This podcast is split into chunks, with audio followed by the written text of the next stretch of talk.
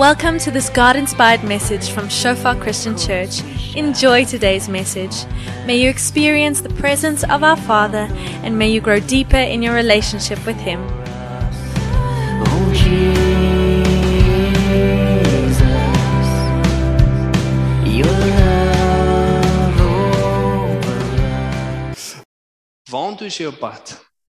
Where are you headed? Okay, so if your answer wasn't heaven, please come and speak to me afterwards. Okay, then we need to to speak a little bit. But the reason why I asked the question is I was so reminded, you know, in the holidays as me and my wife we were speaking about goals and spiritual goals and growing somewhere and how does it work and how does it look and you know, who should set these things up for us. And I was just remembered as that wherever we are going in life or whatever we are trying to achieve, if that wasn't given us by God, then it's vanity. It's a chase after the wind. And many times the ideas and the things that we try to chase in life, we never really consider where did that come from? Why do I want to do that? And there's the specific song written by a guy called John Mark McMillan called Mercury chasing mercury, this thing that you're unable to catch, running after something that is empty. You can't hold it. And then, as he speaks about him writing the song, he says he thinks about people many times as dogs chasing cars. The car comes past, and the dog just starts to bark and runs after the car.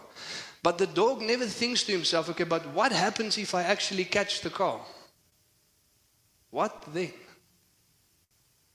And many times that sums up our lives as humans here on earth. Running after stuff, but never asking the question, but if we have it, if we get it, if we get there, what then? What is it supposed to do? Because many times we chase something or we run after something just because of the feeling that we get when we were sold the idea that this thing is cool. Or this is how purpose looks like, or this is how success looks like.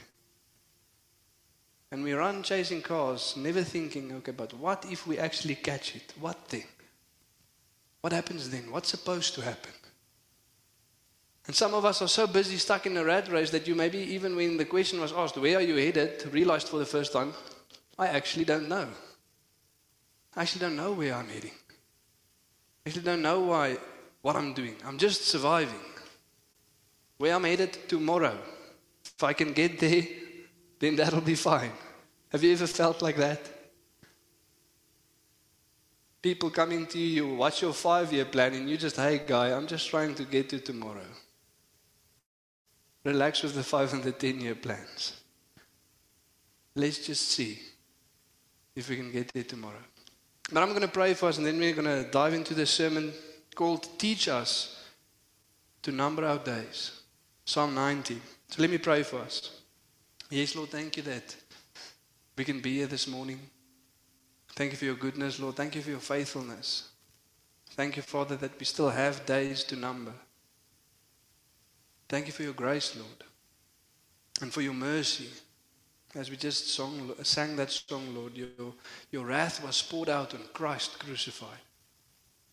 And what that means for us is, Lord, now, regardless of how we've spent our days, when we look back and when we look at last year, and we see everything in there except you, Lord, except your purpose, except your plan, everything except the desire to know God and to be with God and to live out the purposes of God. We know, Lord, that that doesn't mean we're going to die in vain, but while we still have breath, we can call on the name of Jesus and we can receive grace and mercy. And what we do here now, Lord, can still mean something in light of eternity. And we pray, Lord, that as we follow you, as we seek you, Lord, that you'd reveal to us who you are, Father. That is what it all is about, who you are, Father. And may we have a desire, Lord, to know you, to become like you, to follow you. Thank you, Lord, for your goodness and your faithfulness. In Jesus' name, amen. So, our title for today is Teach Us to Number Our Days, Part 1. We're going to look at Psalm 90. The psalm that we just sang about as well. Teach us, Lord, to number our days that we may gain a heart of wisdom.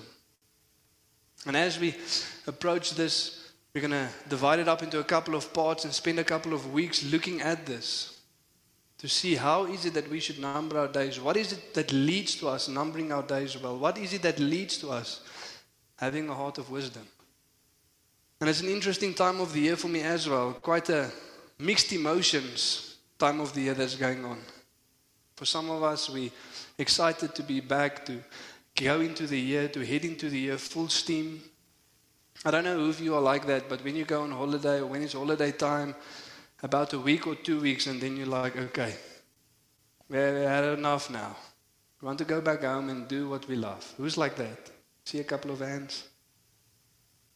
Min van ons, party onseker. So half eentjie ek's amper daar. And some of us are still on vacation mentally. Physically, you are here, but mentally, you are still there.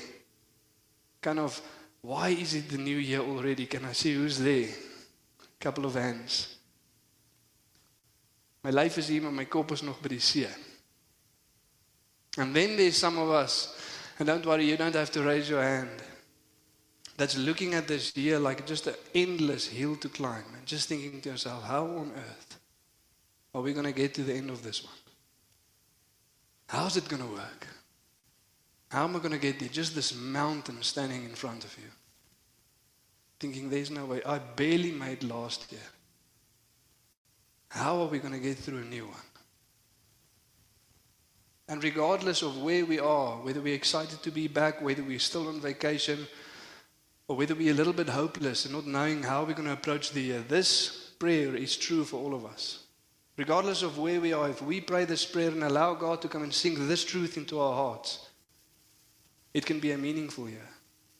To say, Lord, teach us to number our days, that we may gain a heart of wisdom. And hopefully, wherever we are, if there's some motivation or some drive in us to do better, to be better, and to achieve something, hopefully the motivation is not a new year. I mean, think about that. Whenever we consider why New Year's resolutions don't last and few people actually achieve anything, it's because the motivation is really shallow. What's the reason to try and achieve something? Oh, it's a new year. And a couple of weeks go by and we don't achieve it, and then we have to wait a whole year for it to be a new year again. Maybe we should try new week's resolutions. Then at last it's a little bit more consistent, the trying part. But that's not what should motivate each and every one of us sitting here this morning. As Christians, we are not motivated by a new year. The one good thing about, about the new year is that it gives us at least a time frame to look back at and see whether we have actually done something or grown in a certain area. At least that. But it's not supposed to motivate us. What is supposed to motivate us? The gospel. Jesus Christ. That is supposed to motivate us. And as Christians, we are supposed to have a fixed resolution, and that is to become like Christ in both character and ministry. To know Him and become like Him. To know Him more and to glorify Him more every minute of every day. You see, Paul writes in Philippians 3, verse 12 and he's speaking of this very thing to know God, to become like God, to press on. And then he says, Not that I've already achieved it, already made it my own, but one thing I do, I press on to make it my own. Why? Because Christ has already made me his own. The motivation is the gospel. I have a greater willingness to lay down my life and to serve God. Why? Because He laid down His life for me. And the more I look at that, and the more I realize that, and the more that revelation grows in my heart, the greater motivation gets stirred inside of me to follow God with everything in me. Amen? Not a new year, but Jesus Christ and Him crucified, resurrected from the dead. That's my motivation. That's whom I want to follow with everything in me. You see, because Many times we don't live like that and we just live with this year to year mentality. And hopefully, also, what we are motivated towards is not temporal stuff but eternal things. Hopefully, the goals that we've set out and that we, which we want to try and achieve is not temporal things, temporal success, temporal gain. But hopefully, it's eternal, focused. To know God more, to glorify God more, to store up treasures in heaven, to be with Him. Hopefully, that is what we are working towards. Hopefully, that is the desire in our hearts. Eternal things, things that actually matter. And to realize with these things that we pursue, we only have a limited time to achieve those things. You see, something that is crazy about our generation specifically, in an age of entertainment and procrastination, where we can do all sorts of stuff except the things we should do, is that many times we live as if we are never going to die. I don't know if you've realized that. For some other reason, we live as if we are never going to die. Don't get me wrong, we will live forever. We will die physically here on earth, but we will live forever. The question is just where will you spend eternity? Not whether you will live forever or not, but where will you live forever? That's the question. Where will we live forever? And many times we live as if we're not going to die now, if, if, if, if what we do here doesn't really matter. And maybe you think to yourself, no, I don't live as if I'm never going to die. But you know, when we do live like that, whenever we waste time, every time you waste time, you live as if you are never going to die, as if you have time to waste, which we don't. And not only do we not have time to waste, we don't have our own time. That is something that we get wrong many times as well. The time given me is time given me by God. It is not my own. But I'm going to have to give an account. You see, many times we think, yeah, I'm going to have to give an account of my marriage and the way I raised my kids and my finances and how I did my job well, but also how you spent your time. We are going to have to give an account to God. And we are going to die one day, and what we do here and now will matter for all of eternity. To put it into perspective, and I don't, I know that we don't realize this, and, and, and we won't ever, this side of eternity, allow it to fully sink in. But do you know how long eternity is going to be? Forever. A little bit longer than the N1 on your way here from Cape Town. A little bit longer than that straight line. And what we do now will affect all of that. It will impact all of that. It will determine all of that. It would be like to say to us today that this week, starting tomorrow till next week, Sunday, how you spend that week will affect the whole of the rest of the year. What you gain in that week, you'll have for the whole year. What you don't gain, you won't have. What you plowed in, what you sowed, that you will reap the whole year, but only this week. You only have a week. How will you live for that week? Live a little bit differently. Look a little bit different at your time. As if I actually have a short amount of time, and we do have only a short amount of time. It feels long because it's the only thing we know. But compared to eternity, it is this small. And how we spend it will affect all of the rest. And you see, many times we have this laid back mentality thinking that, yes, last year or the years before that, I wanted to do X, Y, and Z. But I didn't get to that, so I'll see if I can do it this year. And scripture asks the question, but who told you you have a year? Who told you that? I know I didn't get to it then, but we'll do it next year. And scripture says, Who said you have a year? Who told you that? We don't know if we have a year. It's like Maria preached so beautifully in the beginning of last year, focusing on James chapter 4 from verse 13. Saying, Come now, you who say, we were going to such a town and to such a place and spend a year there and spend two years there and make a profit and trade. God says, What is your life? It is a mist that appears for a little while. Instead, you should say, If the Lord wills, we will do this, that, and that. But that boasting is arrogance. That is scripture. Your life is a mist that appears for a little while. None of us sitting here even knows if we have a year. We don't know if there will be a next New Year's resolution, a next January 1st church service. That was promised to none of us. And see Moses praying this prayer in this psalm. In light of that, says, Lord, teach us to number our days. Our days, not our years, not our months, not our weeks, Lord, our days. Because we don't know if we have weeks or months or years. But teach us to number our days. And what Moses focuses on is not necessarily a godly way to plan, though that is important. But what Moses focuses on is who God is. The character of God, understanding who God is and understanding who we are, that will lead us to approach our days a little bit different. With a little bit more wisdom. And you'll see as we go through the psalm, it's a very theocentric psalm, meaning that it's addressed to God.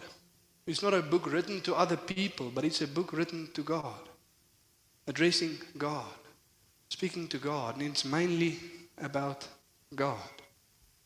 A revelation of who God is is what we need to number our days. And another beautiful thing about this specific psalm is that it was written by Moses, the only psalm written by Moses, and it's also the very first psalm ever written. The psalms are not compiled in chronological order. Psalm 1 wasn't written first and Psalm 150 last. But it's compiled in a specific category, just like the rest of Scripture as well. If you read the Bible from beginning to end, you're not reading it in chronological order. It's just how they compiled it. The law, wisdom, poetry, major prophets, minor prophets, gospel and acts, epistles, revelation. It's just grouped together, but it's not chronological. Nehemiah and Ezra, that is before Proverbs, goes with Zechariah and Malachi. That's the end of the Last Testament. Because that part of history had those two prophets part of it. But it's not compiled in chronological order. So this is the first psalm ever written. And it's a psalm where Moses prays, Lord, teach us to number our days. And I don't know who of us have read Psalm 90 before, but who of us know the context of Psalm 90? Why it was written? Because in light of that, we look at it also a little bit differently. You see, Psalm 90 is written as Moses and the Israelites are in the wilderness, where God does not allow them to enter the promised land because of a generation's unfaithfulness and disobedience. And a whole generation first needs to die before they can go in. 40 years. And Moses is sitting there as person after person dies must have been the minister that did the most funerals ever. As literally a whole generation has to die before they can go forward. And Moses is looking at time wasted, time wasted, life lost every single day. About a generation that did not do what God told them to do. That life will literally mean nothing in light of eternity. And in light of that, generations stuck in the wilderness, Moses prays, Lord, teach us to number our days. But may the next generation not be like this one. And the sad reality is we live in a generation that don't even know where they're supposed to go. Nevertheless, realizing that they are not making it there. Are you with me? teach us to number our days, spending our time with nonsense, things that make no sense in light of eternity, that will mean nothing, that will add no value. Teach us, Lord, to number our days. And in light of that, let's read together and see what we can learn. Psalm 90, from verse 1 to 17. Lord, you have been our dwelling place in all generations. Before the mountains were brought forth, wherever you had formed the earth and the world, from everlasting to everlasting, you are God. You return man to dust and say, Return, O children of man. For a thousand years in your sight are but as yesterday, when it is past, as a watch in the night. You sweep them away as with a flood. They are like a dream, like grass that is renewed in the morning. In the morning it flourishes and is renewed, and in the evening it fades away and withers. For we are brought to an end by your anger, and by your wrath we are dismayed. You have set our iniquities before you, our secret sins in the light of your presence. For all our days pass away under your wrath. We bring our years to an end like a sigh. The years of our life are 70, or by reason of strength, 80. Yet their span is but toil and trouble. They are soon gone, and we fly away. Who considers the power of your anger and your wrath according to the fear of you? So teach us to number our days, that we may get a heart of wisdom. Return, our Lord, how long? Have pity on us, your servants. Satisfy us in the morning with your steadfast love, that we may rejoice and be glad all our days. Make us glad for as many days as you have afflicted us, and for as many years as we have seen evil. Let your works be shown to your servants, and your glorious power to their children. Let the favor of the Lord our God be upon us, and establish the work of our hands upon us. Yes, establish the work of our hands. And in light of the context of Moses seeing this whole generation wasting their lives, wasting the time that God has given, not doing what God has called them to do, and very aware of the fact that we can live in such a way that it will mean nothing in light of eternity. Moses asks, Lord, establish the works of our hands. By your mercy, by your grace. In other words, Lord, let what we do here and now mean something in light of eternity. Lord, please, not again. Don't allow whole lives to mean nothing. And for that to happen, for God to actually establish the work of our hands, verse 12 needs to take place. But just allow this to settle in for a moment.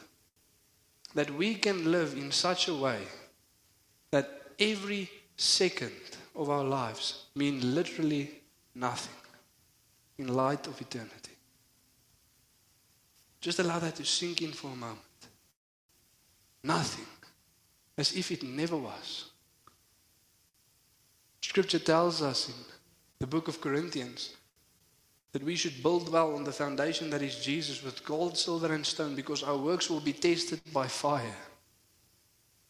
And only what was built well will remain, but the rest will be burnt away. And for some of us, we might have lived in such a way that even to this moment, whatever we have done will literally mean nothing.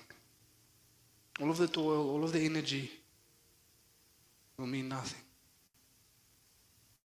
And in light of that, realizing that, understanding that, we should pray as Moses prayed in verse 12. That says, So teach us to number our days, that we may get a heart of wisdom. This is the whole action point. This is the whole focus. This is the whole theme of Psalm 90. This is what needs to happen. When we read through it, when we consider it, this must be the outcome. When we allow God to come and do what He wants to come and do through this psalm, this must be the outcome. A people that have hearts of wisdom that numbered their days well. And if the only thing that you remember and take away from this message this morning is, may it be this that when we start to plan our days or weeks or months, may it start in this way with us sitting before God and saying, Lord, teach us. Lord, teach us. And if you didn't start that way this year, whatever you've compiled, throw it away, start again. And also, don't go to God with something already written down because many times we do that. We don't say, teach us, we say, Lord, guide us on where we want to go. But I'll already have a couple of good stuff pinned down. I thought by myself that if I do these five things and accomplish these five things, then this will be a good year. So, Lord, if you can help me do this, then that will make me happy. Don't do that. We see that is Israel's mistake as well. They forgot that God is the one that determines where they go, when they go there, and how they go there. And when God says go there, they said, No, we don't think we're going to go there. Then He says, Okay, then you will die where you are, and you will not move an inch. Because we are not the ones that dictate where we want to go. Did you know that? Like that nice quote says, We are the master of our faith and the captain of our soul. Scripture says, No, you are not. You are not the master of your faith. You're not the captain of your soul. You are a servant and He's God. And when He says go, we go. And where He says go, we go. Amen. So if you haven't simply gone to God this year and sat down and said, Lord, before I say anything, before I desire anything, Lord, teach me to number my days. What is it that you want me to do, Lord? How is it that you want me to do it? And when do you want me to do it? To know you, to glorify you, and to become like you. If that is the only thing you remember, and if that is the only thing you take from this morning, then that will suffice. To do that. To go and sit before holy God and say, Lord, lead us. And how God leads us to do that is not by giving us a biblical way to plan, which is also important, but by something much deeper that drives the motivation, and that is by revealing to us who He is. Who He is.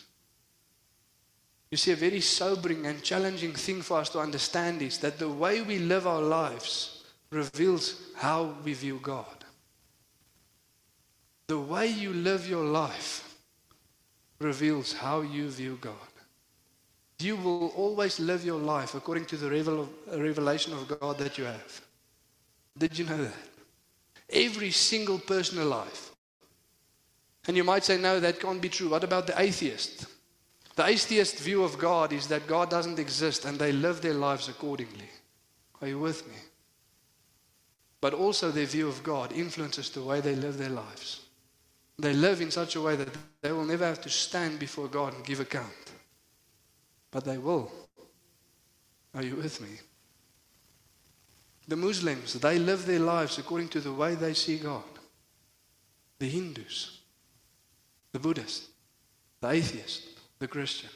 How we view God will determine the way we live our lives. Very sobering fact.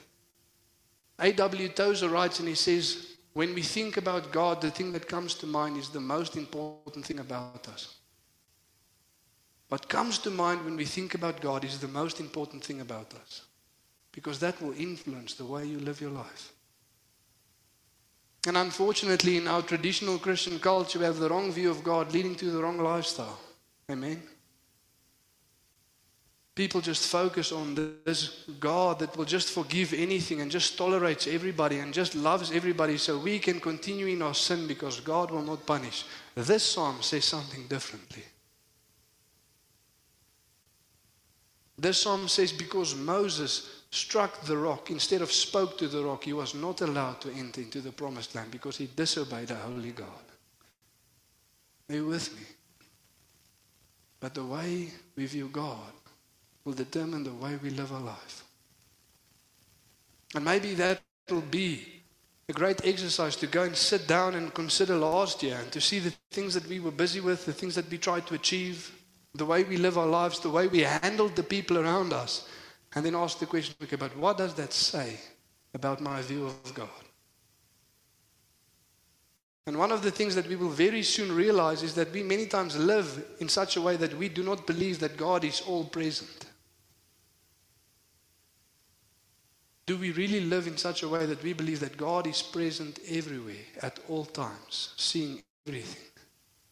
As this psalm says, our secret sins are ever before you.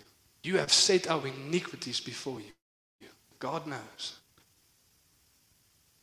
You see, there's some things that we do that we would have never done, even if there was just a person next to us.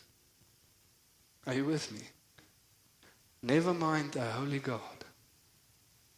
And sometimes we live as if God is not right there, present, looking at what we do.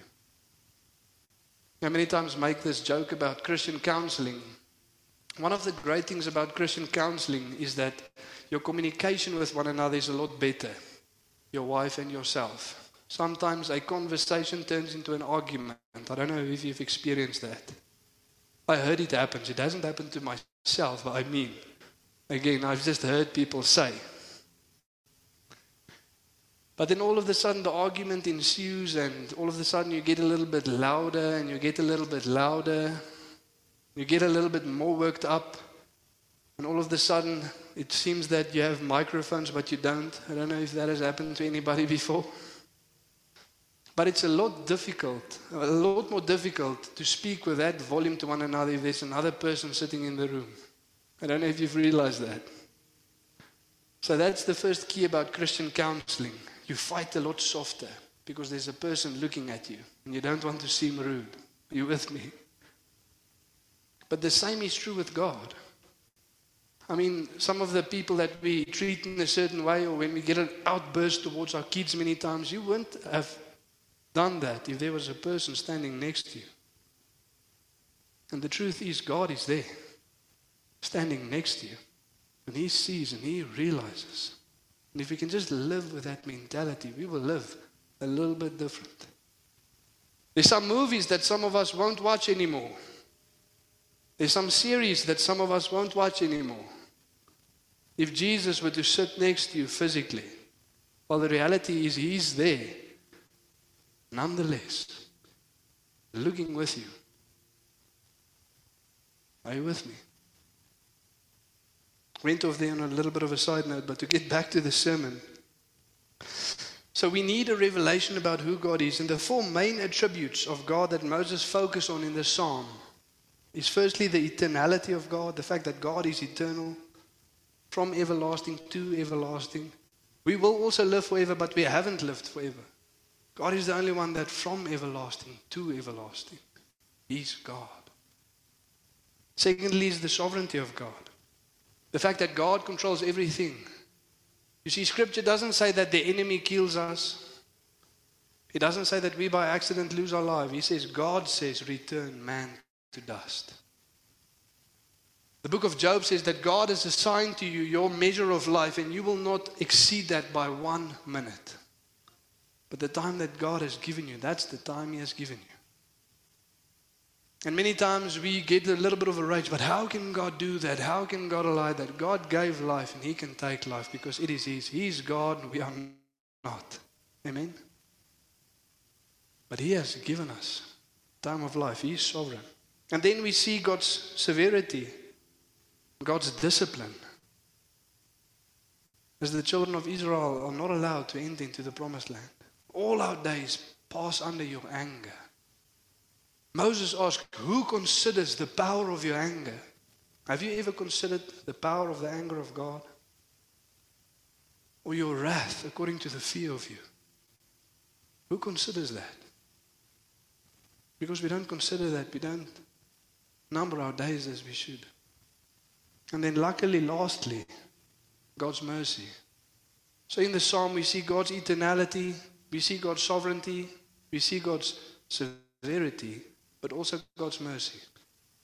And this morning, I just want to focus on that first one. In the next couple of weeks, we'll stay at Psalm 90 and look at the rest. But God's eternality seen here in verse 1 to 3, in contrast with how temporal our lives on earth really are. And it says, Lord, you have been our dwelling place in all generations before the mountains were brought forth wherever you had formed the earth and the world, from everlasting to everlasting, you are God. You return man to dust and say, Return, O man. Return, O children of man. So, in other words, God is eternal, and our lives here and this world is temporal. And the two things that we need to see that we should live with an eternal perspective, knowing that God alone is the only one that can satisfy for all eternity. God, you are our dwelling place. And we like to sing that many times, but what does it mean? What does it mean? A good thing to ask yourself when you read scripture, whenever you come to something that sounds nice, like this, because it sounds nice, huh? Lord, you are our dwelling place. Lord, you are our rock. You are our refuge. Just ask yourself there, okay, but what does that mean? It sounds nice, but what does it mean? God, you are a shepherd. That sounds nice, but what does that mean? God, you are a dwelling place. What does that mean? It means that God is our refuge, our safety, our place of rest, and the one that we should long to be with forever. When it comes to a place that where we are working to, that question that I asked us in the beginning, where are you headed? The question should be, I'm headed to God. That's where I'm heading. That's where I'm continuously working to. That's what I'm continuously working for, to be with God. For He is my dwelling place. Have you ever seen somebody that's a little bit over the top when it comes to the house that they live in? They're always busy fixing something, improving something, making something more comfortable. I've seen it a lot of times. Obsessed. Everything needs to be in its place. Can't move anything, but it just needs to be perfect. Investing all of their time, all of their resources, all of their finances to make sure that their place is as comfortable as possible. Because that is where they live. That is what we should do when it comes to God. All of my time, all of my finances, knowing that that's where I'm going to be forever. So I'm investing everything I have, like Donnie said so beautifully, the pearl of great price. When a man sold everything to buy that pearl, everything invested into eternity with God. One thing that we've seen a lot of is when people immigrate to a different country. Of you have seen that?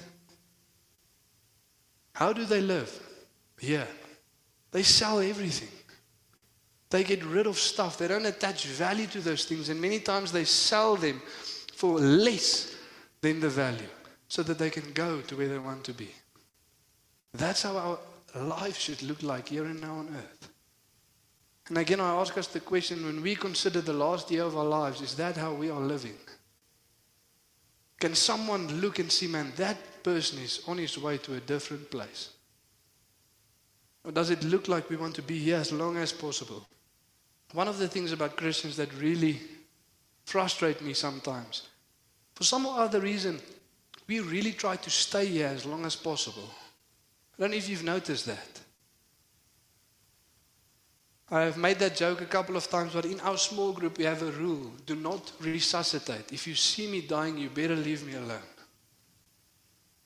Because if you save me and I'm staying here, man, I'm going to be mad. Like I like some of you, all of you, just making a joke. I like the things around us the sights to see, the things to do. Love my wife, love my kids. But man, I long to be with God more. Amen? It should be that longing in our hearts. God, you are our dwelling place. You are the one that we are headed towards. And everything here now, I'm going to invest, I'm going to use to store up treasures there and then. To be with God. But I do not want to stay here. I think maybe we should preach just a little bit about you know, time with God and how it's going to be like so that we can just realize again it's really going to be better than here. Because sometimes we don't understand that and we try to cling to this life as long as possible. Instead of just simply going to where God is. That should be our focus. And you see, one of the most beautiful things is this Moses is writing this in the desert. As they are in the desert, Moses says, Lord, you have been our dwelling place. Even this is enough because you are here with us. Whether we are in Egypt, whether we are in the desert, whether we are in the promised land, that is not the point. Lord, you are our dwelling place. You are the one we long for. You are the one that we press on towards. The only reason that they were in the promised land is because God went into the promised land. God was there, so they went there. And the reason they stayed in the desert is because God stayed in the desert. A couple of days' journey to any, to any side, they could have gone into a well watered country with a lot of fruit and provision, but they stayed where God stayed because He is their dwelling place. Does our lives look like that? Characterized by the presence of God. And whatever we pursue in this year to come is because it will bring us closer to God, to know Him more to become like Him, to be with Him, is that our focus? Is that what our lives revolve around? You see, there's a beautiful story just before they set out on the journey in Exodus 33. God being a little bit irritated with the Israelites, to put it lightly. And God says to Moses, I'll send you to the promised land, but I'm not going to go with you. I'll send an angel before you. And Moses says, Lord, if your presence does not go up with me, then do not lead us out. We will rather stay here. And a lot of us are going to face that temptation this year. Maybe a job applications, somewhere to go to, some new thing to do. And the question is going to be, Lord, but is this of you? Because if you are not in it, Lord, if you are not there, then I do not want to go. Are you with me? Because many times we desire the promised land without God. And there's a saying that everybody wants to go to heaven. Some people just don't want God to be there. We like this place with the golden streets and no more sickness, no more death. But some of us just want, don't want God to be there because He's still going to rule and reign our lives. And that we don't like. Are you with me? And that is the beautiful thing about the gospel is that the gospel message is not that Jesus Christ came to die so that we can go to heaven. It's that Jesus Christ came to die so that we can know the Father. Here and now. Yes, more fully then, yet still truly now. Then face to face, but now we can still truly know God. And how do we know if we really long to be with God one day? It's the amount of time we spent with Him now. How you know if you really long to be with God one day will be seen in how much time you spend with Him now. Are you with me? We cannot say that we have a great longing to be with God one day, but we do not pursue Him now. That makes no sense. And for us, maybe you realize that this morning. The key is look to the gospel. Look to Jesus. May that be your motivation because He gave His life for me. I want to give my life to Him. Amen. To know Him and become like Him. And so the question is do we live as if this is true?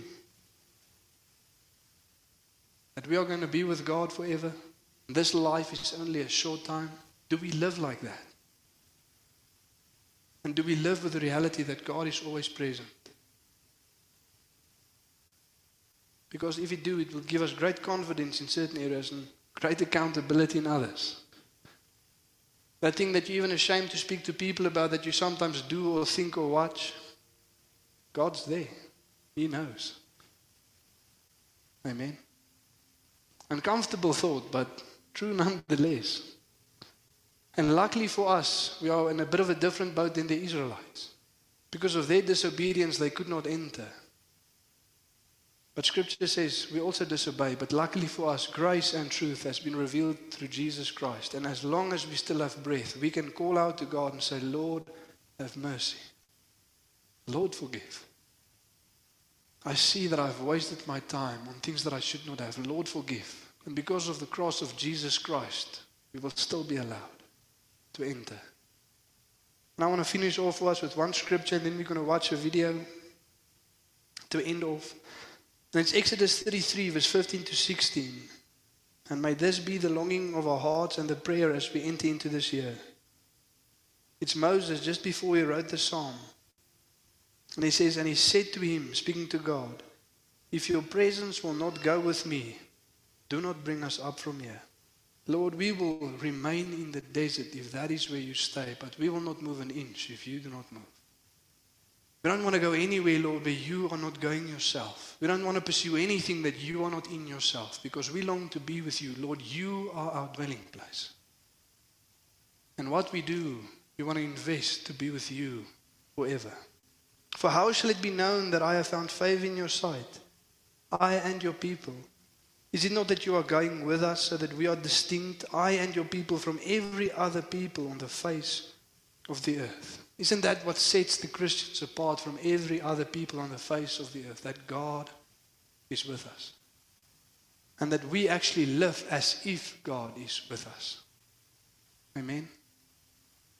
We're going to watch a video now, then I'm going to end off us in, in prayer. I'd really encourage you if you want to pray about anything, please come to the front so that we can pray with one another. If you see that you wasted time, turn to God, repent, and pray this prayer Lord, teach me to number my days that I may gain a heart of wisdom. But let's watch the video together.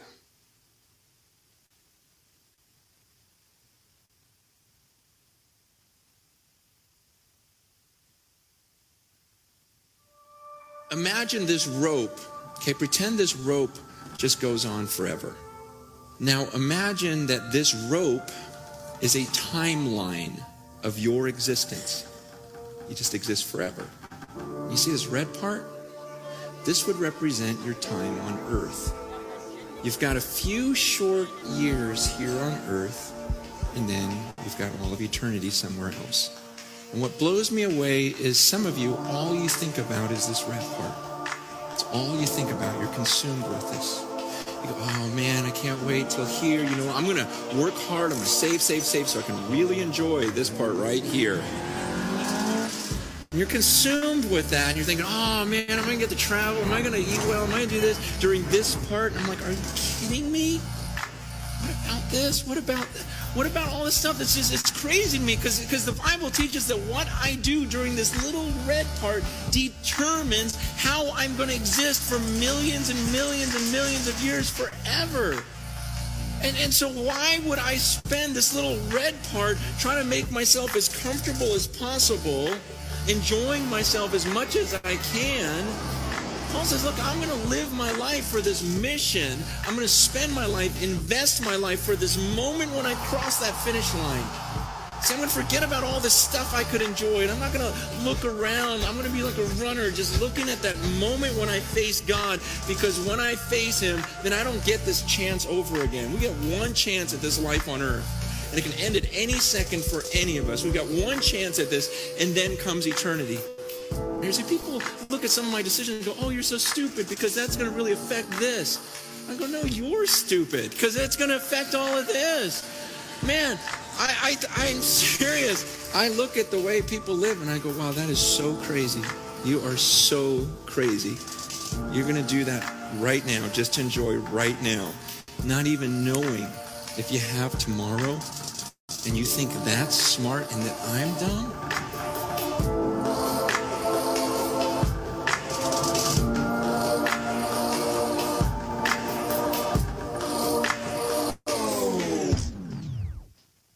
Let's stand together this Electrify your morning we metabolism back to teenage levels by eating one half teaspoon of this with ice water and burning fat like you're still in high school. Yes, Lord, thank you, Father, that we can come before you, Father. And firstly, in humility, Lord, just come and repent, Father, of many times thinking that we have all of the time in the world. Just acknowledging, Lord, that we do not know if we have tomorrow. And as a congregation, Lord, we want to come and repent, Father, of time wasted, Lord. Doing trivial things, Lord. We want to repent, Lord, of believing the lies that the enemy has sold us that this world, Father, can offer some sort of fulfillment. And specifically, Father, when we see the devastation around us, Lord, and how people are hurting and suffering, we want to repent, Father, of living for our have stuff in excess, Lord, when there's people that do not have basic needs.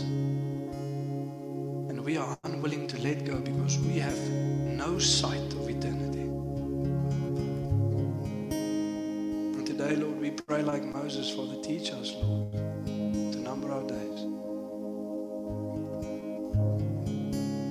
pray, Lord, that as we head into this year, Father, going to do a lot of stuff, Lord, we pray, may the favor of God be upon us, Lord, and establish the work of our hands. May what we do actually mean something in light of eternity.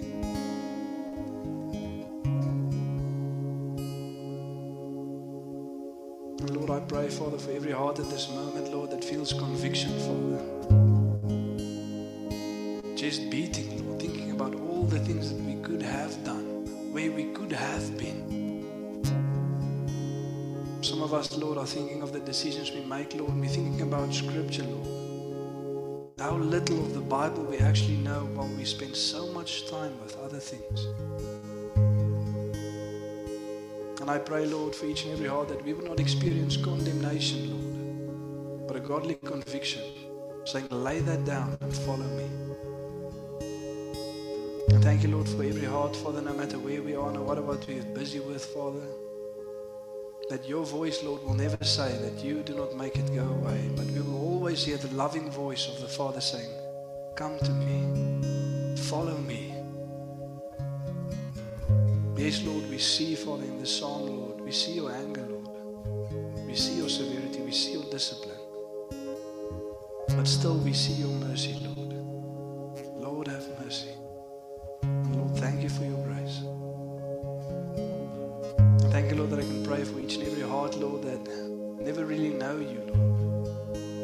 experienced God as our dwelling place, a safe place, a place of rest, just to be with you, Lord. I pray, Lord, that they experience that today. That you would open hearts, Lord, and that you would reach out your mighty hand to save. And not by, because of what we've done, Lord, but because of Jesus Christ on the cross. And I pray, Lord, that what motivates us this year will not be a new year, Lord, but eternally and foreverly the gospel of Jesus Christ, the Holy God, sending His Son to die in our place, to live in our place, so that we can know You. And may we press on, Lord, to know You, to become like You